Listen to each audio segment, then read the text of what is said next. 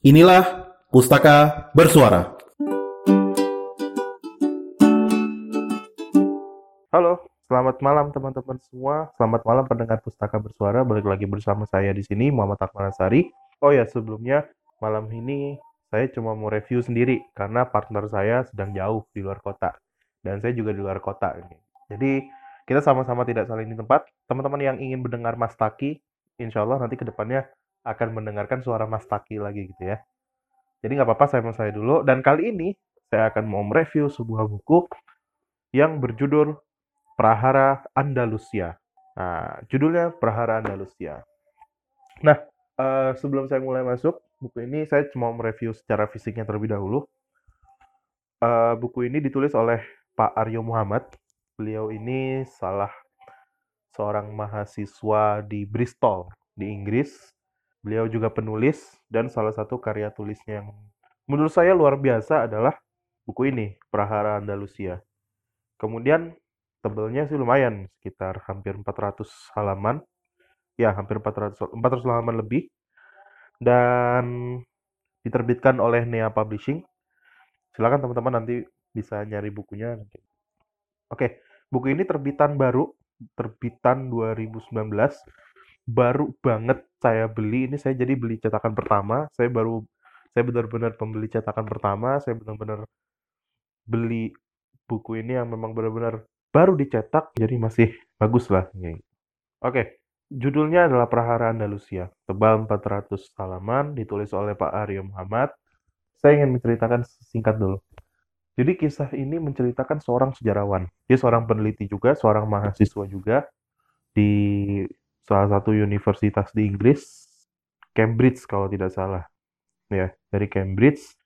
Dia ini seorang Inggris, namun juga orang keturunan, yaitu keturunan uh, keturunan orang-orang Maroko atau suku bangsa Berber ya bisa dibilang. Jadi dia ini seorang mahasiswa, dia peneliti juga, researcher, dan salah satu objek sejarah yang paling dia minati adalah tentang Andalusia. Tahu Andalusia? Pasti tahu lah ya Andalusia itu kan kawasan kawasan di selatan Spanyol kemudian itu terkenal dengan sejarahnya terutama sejarah hubungan antara umat Islam kemudian bangsa Spanyol dan tidak lepas dari satu orang nama yang bernama Torik bin Ziyad. Jadi gitu teman-teman. Nah si nama peneliti namanya Daniel dia tokoh utama. Namanya Daniel. Daniel ini memang sangat minat sekali dengan yang namanya Andalusia.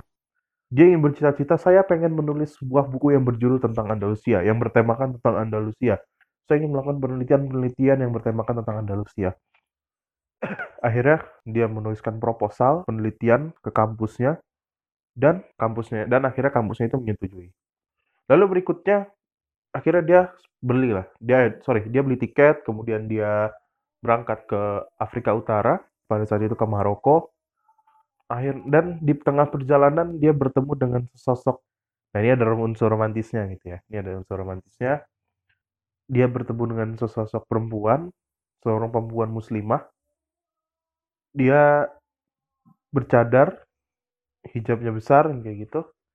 Dan awalnya Daniel ini cenderung apa sih ini orang? kayak gitu ingin menjauhi. Tapi ternyata di situ ada cerita. Ketika bertemu dengan perempuan itu ada sebuah cerita yang dibuat itu. Ada sebuah cerita yang tidak disangka-sangka oleh Daniel. Selebihnya gimana? Oke, silakan teman-teman nanti cari, cari, bukunya sendiri atau beli baca bukunya. Oke, kemudian di kisah ini yang saya yang sangat menarik adalah menggambarkan si sosok Daniel, menggambarkan si sosok Daniel ini dan digambarkan juga Daniel ini adalah titisan dari seorang pahlawan Andalusia. Siapa dia? Tariq bin Ziyad. Jadi ini kisah ini sebenarnya hanya berkisah tentang Torik bin Ziyad yang merupakan tanda kutip adalah kakek moyang dari si Daniel ini, Daniel Amastan namanya, Daniel. Jadi suatu ketika ketika Daniel sedang menapak tilas, menapak tilas eh, kota-kota Tang Tangier ya, Tangier itu di Maroko atau dalam atau di nama lamanya adalah Tanja. Dia sedang menapak tilas, tiba-tiba dia pingsan dan ternyata dia menjadi seorang sosok Torik bin Ziyad. Ceritanya bagaimana? Oh, sangat panjang ini. Nggak mungkin saya ceritain satu persatu. Jadi cerita ini sangat menarik gitu ya. Jadi digambarkan Sebenarnya ini bisa dibilang adalah novel sejarah. Kalau saya merasakan membaca buku ini, baca novel rasa baca rasanya kayak baca buku sejarah, tapi baca buku sejarah seperti baca novel. Jadi ini benar-benar Pak Aryo Muhammad ini benar-benar bisa menggambarkan situasi kota Andalusia, kemudian kota kota-kota di Maroko pada masa lampau, yaitu abad ke-8, itu dengan sangat apik gitu, digambarkan dalam buku ini. Dan yang paling menarik lagi dalam isi bukunya adalah buku ini full of research. Jadi benar-benar sebelum menulis buku ini beliau tuh benar-benar riset sedalam-dalamnya. Sampai di halaman-halaman terakhir itu biasanya kalau kita baca novel itu kan baca novel uh, ya udah baca ini gitu. Selesai baca namun di novel ini ketika di halaman halaman terakhir halaman 400-an dan saya tidak nyangka di situ ternyata justru ada daftar pustaka. Ada daftar pustaka ini yang saya lihat ada sekitar referensi sampai 57 buku. 57 buku bayangin teman-teman.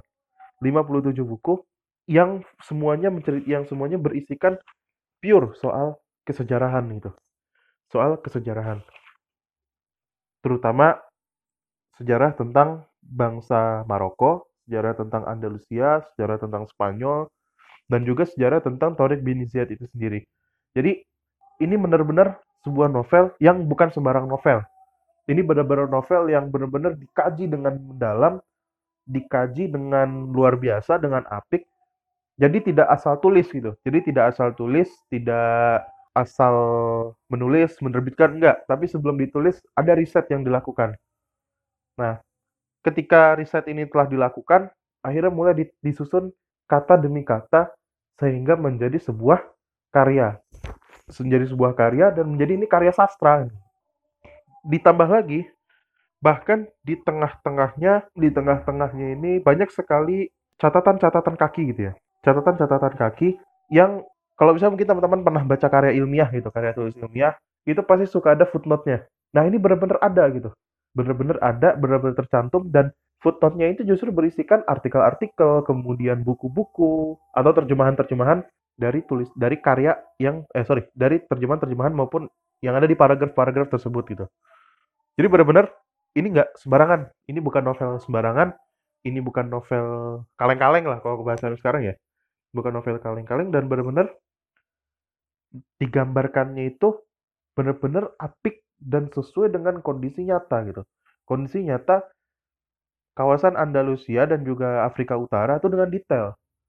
Sekalipun ini novel gitu, sekalipun ini novel, bukan buku sejarah.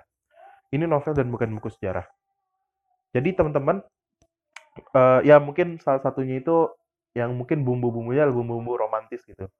Bagaimana kisah antara Daniel dengan seorang Maroko yang ditemui di pesawat itu yang namanya Zainab yang ternyata Zainab itu juga titisan dari putranya Marwan bin Musa bin Nusair. Siapa dia? Jadi Musa bin Nusair itu gubernur Afrika Utara, gubernur Afrika Utara pada abad ke-8. Kemudian punya anak, punya anak namanya Marwan bin Musa bin Nusair, Marwan bin Musa itu adalah wali kota ya, semacam wali kota atau gubernur gitu ya, atau gubernur uh, kota Tangier gitu, kota Tangier. Dan yang terakhir itu ada si nama anaknya Marwan atau cucunya dari Musa bin Nusair bernama Aisyah binti Marwan. Nah, Aisyah ini ternyata digambarkan dalam novel ini punya keturunan yang bernama Zainab yang mempunyai kisah dengan Daniel Amastan. Dikisahkan Torik bin Ziyad dalam buku ini menikah dengan Aisyah gitu. Menikah dengan Aisyah, kemudian dia otomatis menjadi panglima dan selebihnya silahkan nanti teman-teman baca sendiri. Jadi overall buku ini luar biasa, amazing. Satu-satunya novel yang pernah saya baca dan dia memiliki daftar pustaka dengan benar-benar punya riset yang mendalam sampai punya footnote dan lain sebagainya. Dan ini benar-benar saya belum pernah membaca novel seperti ini gitu ya. Saya belum pernah membaca novel lain selain Prahara Andalusia. Jadi teman-teman silahkan kalau teman-teman mau penasaran bisa beli bukunya, bisa baca bukunya, atau kalau yang dekat dengan saya itu, yang di kawasan Semarang dan sekitarnya, bisa pinjem di perpustakaan pribadi saya. Mungkin itu saja teman-teman. Assalamualaikum warahmatullahi wabarakatuh.